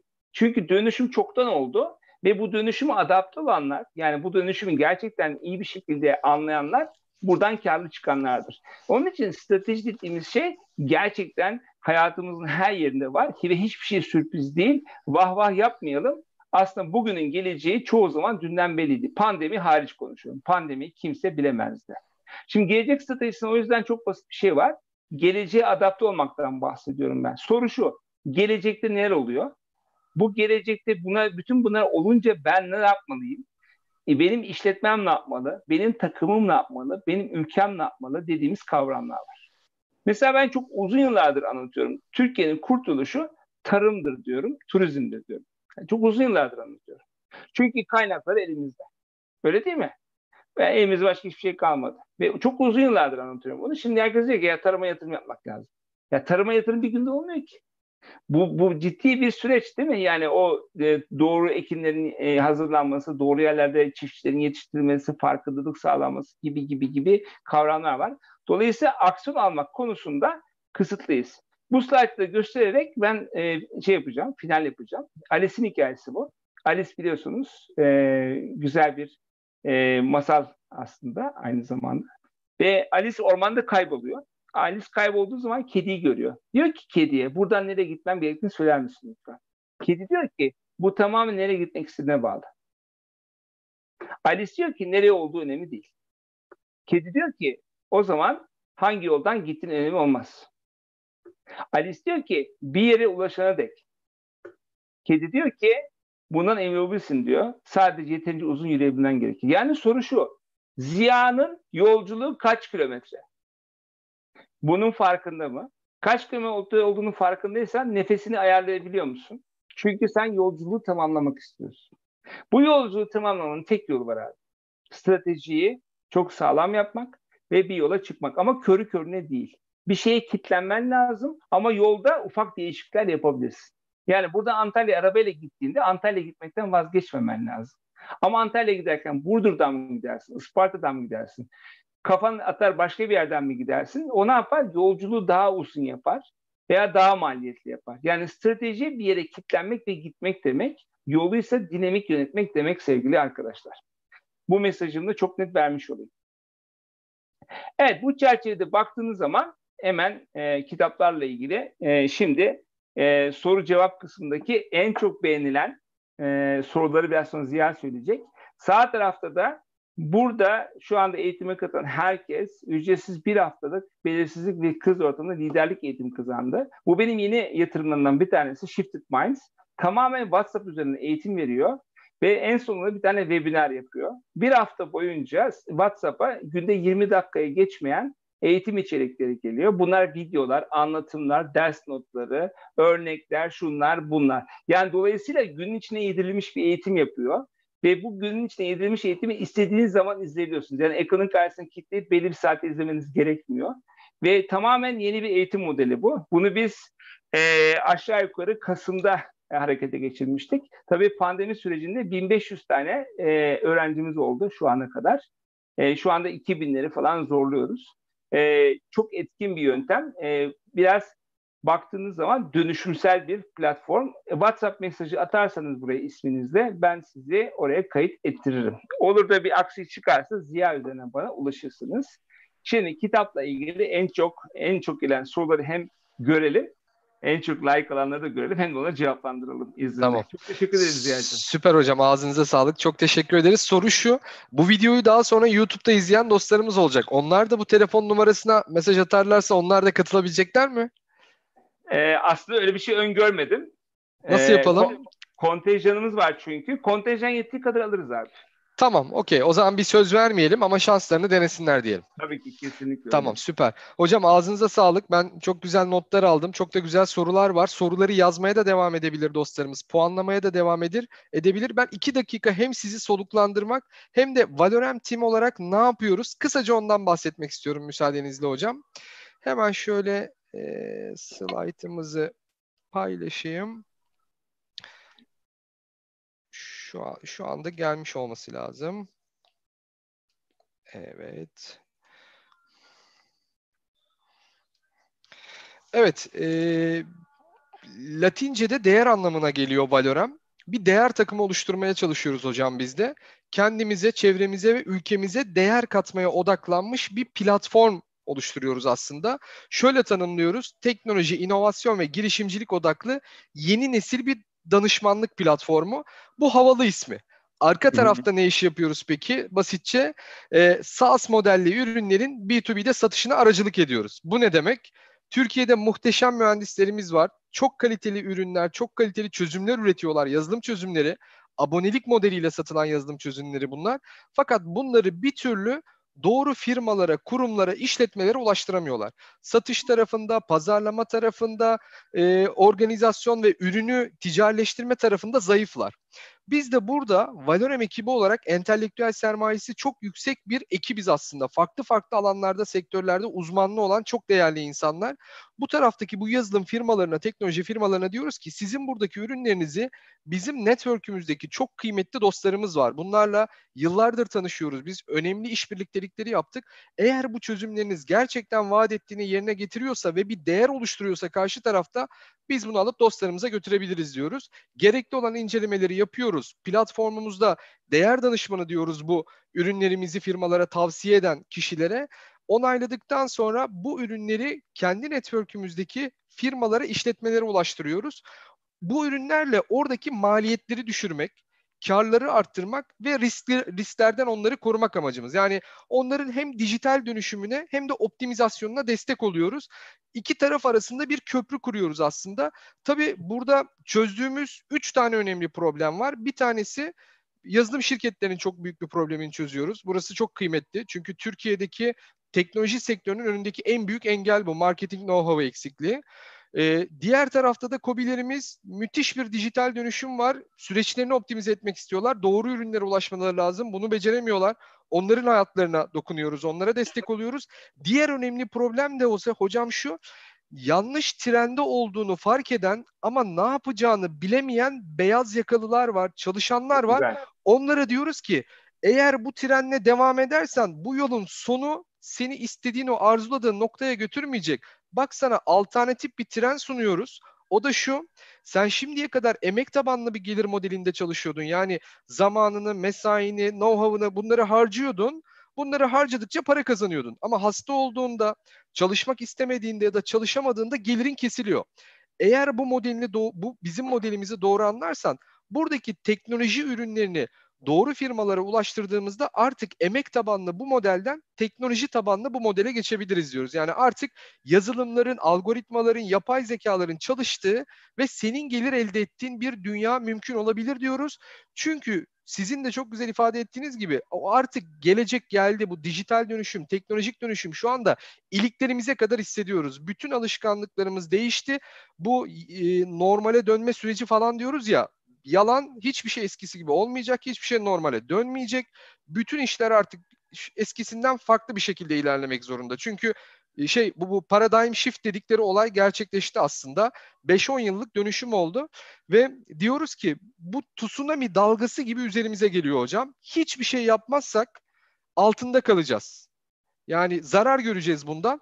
Bu hem biz kendimiz olabiliriz bireysel olarak bir yandan şirketimiz olabilir. Bu teknoloji zade olacak kişi ya da topluluğumuz, ülkemiz de olabilir. Bu tehlikeyle karşı karşıyayız.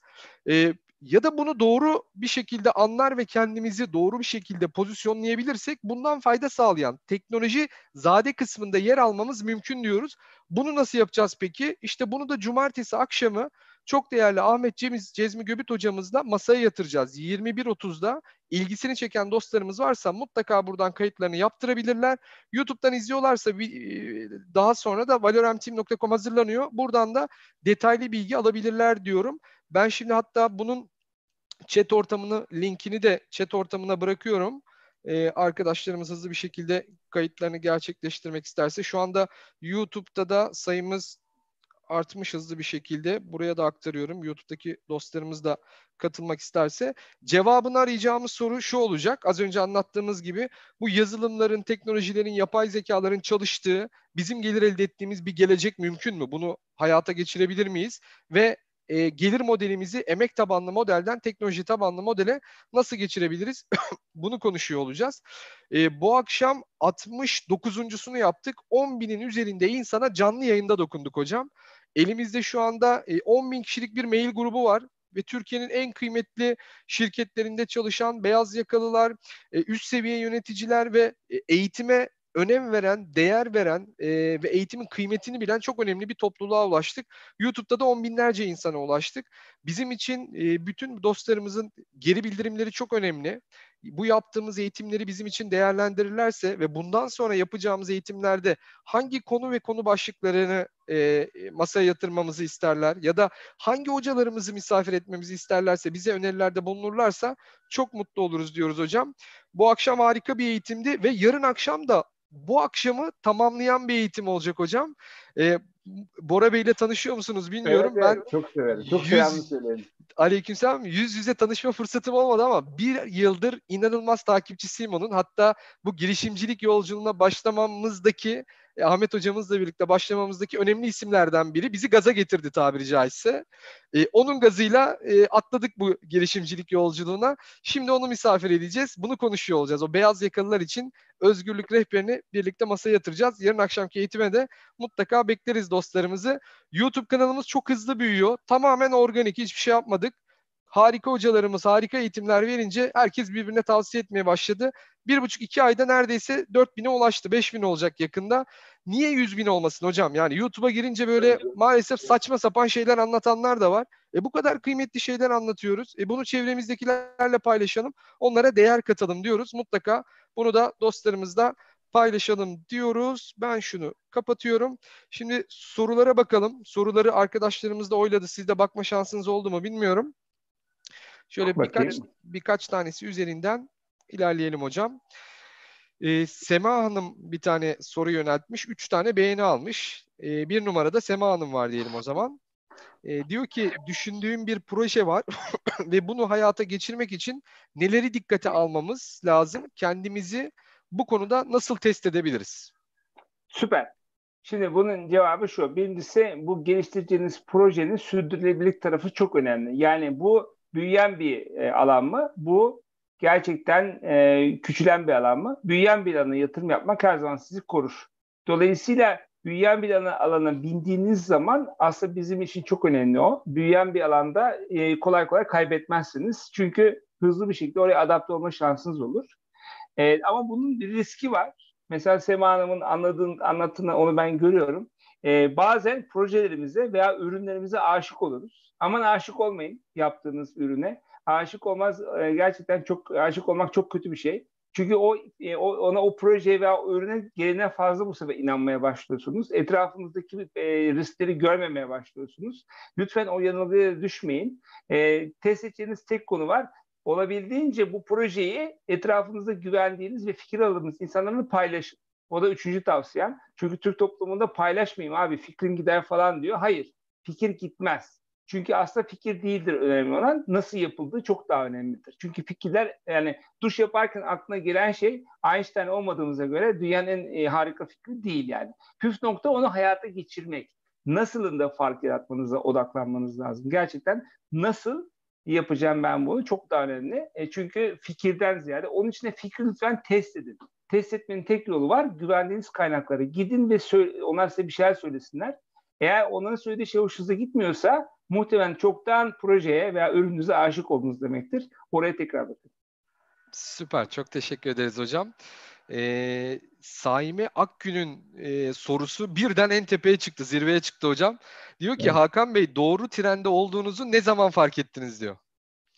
Valla e, şöyle kurumsal dünyada da çalıştım ben. Girişimciliğim de var. 1989 yılında Penta bilgisayarı kurarak aslında meslek hayatıma atıldım. Ben İTÜ Bilgisayar Mühendisliği mezunuyum. E, işletme ve pazarlama doktorası yaptım. Kurumsalda büyüdüm, yatırımlar yaptım. Bir gün trafikte çok fena bunaldım. Ne yapıyorum ben dedim. Kendi zamanımı bile kontrol edemiyorum dedim. Kendi zamanımı kontrol edebileceğim bir hayat sürmem lazım dedim. Ve buna geçtim. Örnek olarak da şunu söyleyeyim. E, pandemi süreci hariç e, 1 Temmuz 30 Ağustos arası hiçbir şekilde çalışmıyor. Çünkü o, o hayatı tasarladım. O hayatı tasarlamak için hep odaklandım ve bir strateji geliştirdim ve bu çerçevede ilerlemek konusunda hiçbir zaman vazgeçmedim. İşte o hayali satma, satmanız lazım kendinize. Ben de kendime bir hayal sattım. Şimdi bu pandemi süreci benim hayallerimi de kolaylaştıracak. Çünkü hayalim yelkenlimde olmak çoğu zaman ve olabildiğince de e, Marmaris'ten veya e, öyle bir e, yerden böyle bir canlı yayın yapabilme lüksüne sahip olmak. Trafiğe girmeden İstanbul'un çilesini çekmeden değil mi arkadaşım? Süper, süper. Belki de oradan konuk ederiz bir dahaki sefer size hocam. Evet, çok iyi olur. Peki, ee, şimdi Cengiz Bey'in sorusu da birden yukarı çıktı. Diyor ki, Hakan Bey Üstadım, Türkiye Cumhuriyeti sınırlarında 5 yıllık strateji nasıl mümkün? Biraz bu konuyu açar mısınız diyor. Süper. Şimdi diyor ki aslında Türkiye bir kriz ülkesi. Burada her şey her gün değişiyor. Her gün her şey değiştiğine göre ben burada strateji nasıl yapılır diyor. Strateji arkadaşlar körü körüne bir şey yapmak demek değil. Yani strateji bir niyet mektubu. Yani aslında siz bir şey yapmaya niyet etmeniz lazım. Dolayısıyla şunu kabul etmemiz lazım. Burası bir kriz ülkesi ve benim Hakan olarak bir niyetim var. Bu niyeti hayata geçirirken krizler de olabilir, o da olabilir, şu da olabilir. Ama benim niyetim ne, ne olması lazım? Değişmemesi lazım ve benim yoldan sapmamam lazım. Dolayısıyla krizler aslında tam tersi strateji için şahane fırsatlardır. Çünkü stratejisi olan kişiler, stratejisi olan şirketler krizlerde hareket etmeye devam eder. Herkes durur, herkes kilitlenir ama stratejisi olanlar devam eder sevgili arkadaşlar. O yüzden tam tersi Türkiye gibi yerlerde strateji yapanlar çok daha kısa zamanda çok daha ileriye giderler diyebiliriz. E, hocam şimdi en iyi 3 soruya e, ödülleri yazdım ben. İsimleri not alıyorum. Arkadaşlar merak etmesin. E, şimdi like'lar da hızlı hızlı geliyor böyle. Son iki tane e, en iyi evet. soruya vereceğimiz e, ödül kaldı. Ayşegül Hanım 4 tane like almış bu sorusuyla. Size bu stratejik düşünme konusunda en baştan neler ve kimler ilham verdi demiş. Okey, şöyle diyelim. Ee, ben çok okuyorum. Aynı zamanda Bora ile birlikte Koç Üniversitesi'nde uzun zamandır yönetici geliştirme merkezinde dersler de veriyorum. Odur budur. Aslında bu ilham benden gelmiyor. Ee, benim her zaman söylediğim bir tezim var. İnsan iyi en iyi öğretirken öğreniyor. Çünkü kulakları duyuyor. Anlatırken, anlatırken, anlatırken bir gün fark ediyorsunuz. Diyorsunuz ki ya ben ne anlatıyorum böyle? Ve fark ettiğiniz şey size ilham vermeye başlıyor. Bu ilham 15 sene önce geldi. 15 sene önce stratejik düşünme.com'u aldım. Ondan sonra stratejik düşünme konusunda eğitimler vermeye başladım. Stratejik düşünme değil tabii sadece benim uzmanlığım. Aynı zamanda hareket etmek. Ama çok basit bir şey var. Gerçekten bir şey duyduğunuzda bununla bunun sizinle alakasını kurabilme yeteneği. Sektörler arası zeka, insan arası zeka. Yani ben Ziya'dan bir şey duyduğumda ona ben hayır değil, imkansız değil. Aslında çok çok önemli bir şey var burada Ziya ile ilgili. Ziya bana bir şey söylediğinde bana yanlış geliyorsa demek ki orada öğrenmem gereken bir şey var ve onu fark etmem gerekiyor. O fark ettiğim şey bir şekilde benim algılarımı değiştirmeye başlıyor. Bütün olaylara bir çıt yukarıdan bakın lütfen. Yani bir olay olduğunda o anda bir durun, bir çıt yukarı çıkın, bir çıt yukarıdan bakın. Bunu yapmaya başardığınızda her şey çok çok farklı hale gelir. Süper hocam. Teşekkür ederiz. O zaman beşinci kitap hediyemizi de Serhan Akyazan'a vermiş olacağız. Diyor ki hocam sizce iyi bir liderde bulunması gereken en önemli üç özellik nedir? Süper. Yani stratejiyi söyledik zaten. Yani iyi bir lider stratejisi olan insandır. Ee, yani kendine e, bir yol çizer. Etrafındakilere mutlaka bir yol çizmesi gerekir. Yani stratejik e, liderlerde aradığımız birinci özellik onların stratejik farkındalıklarının çok yüksek olması. İkinci özellik aslında baktığınız zaman ilişkiler yani iletişim yeteneklerinin çok yüksek olması.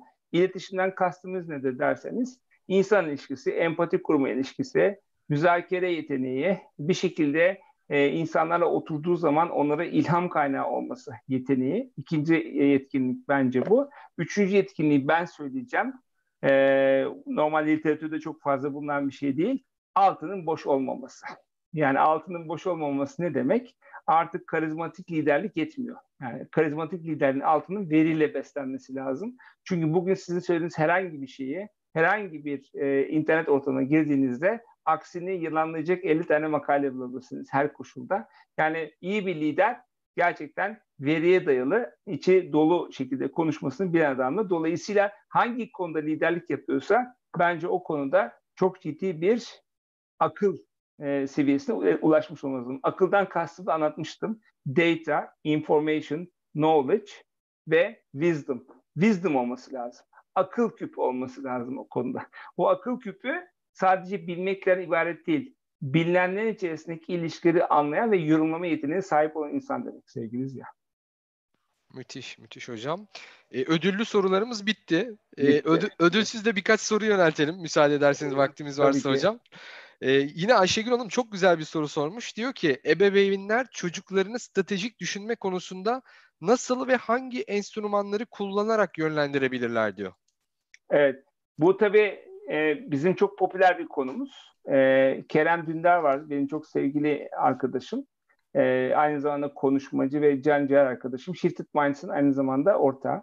E, orada ebeveyn eğitimlerimiz var bizim aynı zamanda. Şimdi ebeveynlik çok önemli. Stratejik düşünme tarafında geçenlerde öyle bir muhabbete girdik.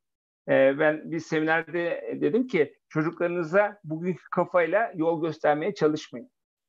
Yani siz onları rahat bırakın. E, çünkü onlar öyle bir dönemde ki artık e, kendi farkındalıkları bizden çok daha yüksek ve çok daha farklı bir kafaya sahipler. Merak etmeyin onlar da bir gün ne yapabilecekleri konusunda bir aydınlanma yaşayıp o konuda yollarını çizecekler. Çünkü bugünkü çocukların yüzde otuzu, yüzde kırkı bugün adı sanı olmayan mesleklerde çalışacaklar sevgili izleyen. Dolayısıyla onları bir yere ittirmeye çalışmamız çok anlamsız. Tam tersi kavga unsuru olur. Başka hiçbir işe yaramaz. Orada başka bir şey yetişti. Onu anlamak lazım. Ama doğru olan bir şey var tabii ki. E, belli yetenekleri kazanmaları gerekiyor. Mesela çok iyi bir kodlama kafasına sahip olması lazım. Kodlama yapmaktan bahsetmiyorum. Yani o mantıktan bahsediyorum aslında. Ondan sonra onun dışında iletişim niteliğinin çok yüksek olması lazım. Toplum içinde bir duruşun olması lazım. Ben hep onu söylerim. Yani eğitim aslında eğitim değildir. Ee, bir, hepimize bir omurga vermek anlamında çok daha büyük bir önemi var. Yani önce insan olmayı bize ilişki kurmayı öğretmesi lazım eğitimin. Ee, bu çerçevede yeni nesil çocukların özellikle şu anda belli bir yaş grubu var tabii Z grubu da geçiyor. E, onlardan benim umudum çok daha fazla. Çünkü onlar önceki nesillerin yaptıkları hataları yapmayacaklar. Çünkü hep gördüğünden öğreniyor bir önceki nesil. E, benim neslim X kuşağı. E, X kuşağı biriktirdi, çok çalıştı. Bir sonraki nesli bıraktı. O nesil de tüketmeye dayalı bir nesil olarak karşımıza çıktı. Yeni nesil ona bakıyor, bize bakıyor. Bunlar da eşek gibi çalışmış diyor, bir işe yaramamış diyor. Bunlar da habire tüketmiş diyor. E nerede de insanlık diyor. Onlar doğayı, insanı, çevreyi tekrar dikkat almaya başlayacaklar. Dolayısıyla bugünün 8-10 yaşındaki çocuklarının 20 yıl sonra, 30 yıl sonra gerçekten çok iyi rollere geldiğini, dünyanın ne kadar dramatik değişeceğini göreceksiniz. Bu çocuklara inanın sadece izin verin, kendi yollarını çizsinler. Müthiş. Peki teşekkür ederiz hocam. Ee, Bursa'dan Mustafa Sönmezay e, ismini hatırladınız mı bilmiyorum. Evet Bana çok severim. İlham, evet benim de yakın dostum bana ilham veren sevgili Hakan Tetik Üstadıma selam ve saygılar diyor. Onu da iletmiş olayım Mustafa'nın çok selamını. Çok severim. Çok efendi, evet, harika bir çocuk. Evet, Bursa'daki çok değerli kişilerden biri sağ olsun. Ee, sonra e, hocam yani o kadar keyifli oldu ki gerçekten ben bir yandan bitirmek de istemiyorum. Ne yaparım, ne ederim, biraz daha uzatabilirim diye düşünüyorum. Notlarıma da bakıyorum. E, hocam bir soru da ben sorayım o zaman. Şimdi tamam. e, ortak arkadaşlarımız, dostlarımız da var. Daha önce belki sohbetinde yaptık bunun. Şimdi kurumsal hayatın içerisinde müthiş yetenekler var. Evet. Ve bu yetenekler yanlış trenin içinde olduğunu fark etmişler. Evet. Fakat içinde bulunduğu döngüden bir türlü kendilerini çıkartamıyorlar. Şikayet ediyorlar. Ee, bir şeyler de yapıyorlar ama bir türlü çıkartamıyorlar o döngünün içerisinden. Ee, onlara ne tavsiye edersiniz? Biraz yarın akşamki eğitimin konusuna giriyor ama sizin buradaki bakış açınız, vizyonunuz çok önemli hocam. Bunu paylaşabilir misiniz? Okey. Şimdi orada bir risk almaları gerekiyor ya. O risk de ne demek? Bazı şeylerden vazgeçebilme lüksü. Çünkü bir şeyden vazgeçmeden yeni bir şey elde edemezsin bir şeyden vazgeçmeleri gerekiyor. E, o ne demek? Yani şimdi mesela o kurumsal hayatta çalışan arkadaş diyor ki ben de girişimci olmak istiyorum diye. Lafın gelişi söylüyorum yine. Ondan sonra diyor ki ama de benim de şu kadar para kazanıyorum. En az bu kadar para kazanmam lazım diyor. İşte işte diyor, standartın çok iyi en az böyle bir araba olmaması lazım. Pardon da yani girişimcilik öyle bir şey değil ki. Girişimcilik balıklama atlamak demek. O, onun için bir risk faktörünü hesaplamaları lazım. Benim tavsiyem şu. E, bir yıllık bir kendilerine dönem belirlesinler. O bir yılı bir şekilde finanse edecek bir altyapı sağlasınlar ve bir yıl boyunca vazgeçmeden uğraşmak konusunda azimli olsunlar. Bir tane kendilerine vision board hazırlasınlar. Vision board dediğimiz kavram şu sabah kalktıklarında inandıkları bir resim çizmeleri gerekiyor. O resme kalksınlar her sabah çünkü bu onları resilient yapacak. Ne demek? Rezil, yani bilişsel olarak esneklik yani dayanıklılık kazanacaklar. Çünkü kolay değil bu geçişler. Bu geçişlerin olması için sağlam hayallere ihtiyacınız var. Çünkü düştüğünüzde ayağa kalkmak için size ayağa kaldıran tek şey hayaller ve umutlardır. O yüzden lütfen bazı konforlarından vazgeçsinler. O konforlardan vazgeçemeden o dönüşüme giremezler. Her gün şikayet ettikleri bir trene de binmesinler. Sen hiç nereye gittiğini bilmediğin bir trene bindin mi sevgili kardeşim bugüne kadar? Hayır. Ama her gün bir işe gidiyor o arkadaşımız o tren nereye gittiğinden bir haber tabii onu rahatsız ediyor. Çünkü kendi yönü de yok. Gittiği trenin de yönünü bilmiyor. Bu ne demek? Yarına dair bir fikri yok demek. Ve bu insanı ne yapar? bir yerden sonra taşır. Evet. Zor gelir. Değil mi arkadaşım? Evet. Evet. Peki hocam. Çok teşekkür ederiz. Çok sağ olun. Ben çok keyifli ederim. bir eğitim. Çok keyifli bir söyleşi oldu. Ağzınıza sağlık. E, bütün katılan dostlarımıza da çok teşekkür ederiz. Gerçekten harika katkılar, harika sorular yönelttiler. Facebook'tan, YouTube'dan, Twitch'ten ben hepsine bir yandan yetişmeye çalıştım ama göremediğimiz yorumlar olduysa e, aflarına sığınıyoruz. E, bu eğitimlerimiz yarın akşam da önümüzdeki günlerde devam ediyor olacak. Değer katan eğitimleri şayet faydalı buluyor ve beğeniyorsanız lütfen sevdiklerinizle paylaşın. Niye on binlerce insan izlemesin bunu? Niye yüz binlerce insan izlemesin? Sizlerle birlikte daha fazla insanın hayatına değer katalım diyoruz. Tekrar çok teşekkürler Hakan Hocam. Ben teşekkür ederim. Herkese bütün sevgilerimi iletiyorum. Lütfen e, her zaman söylediğim bir şey var. Benim e, bir tane bu konuda videom var. Diyorum ki şimdi süper kahraman olma zamanı geldi. Bizler süper kahramanız. Bu ülkenin örnek vatandaşlarıyız. Özellikle bu normalleşme sürecinde hepimize birer görev düşüyor. Etrafımıza ilham olacağız. Etrafımıza örnek olacağız. Lütfen vazgeçmeyin bundan sevgili arkadaşlar. Biz her şeyin üstesinden geliriz. Kendinize iyi bakın. Süper. Çok teşekkür ederiz. Ben o videoyu da YouTube'da videonun altına hemen ekliyor olacağım. Hemen bütün dostlarımız videodan izliyorsa YouTube'dan onu da izlerler.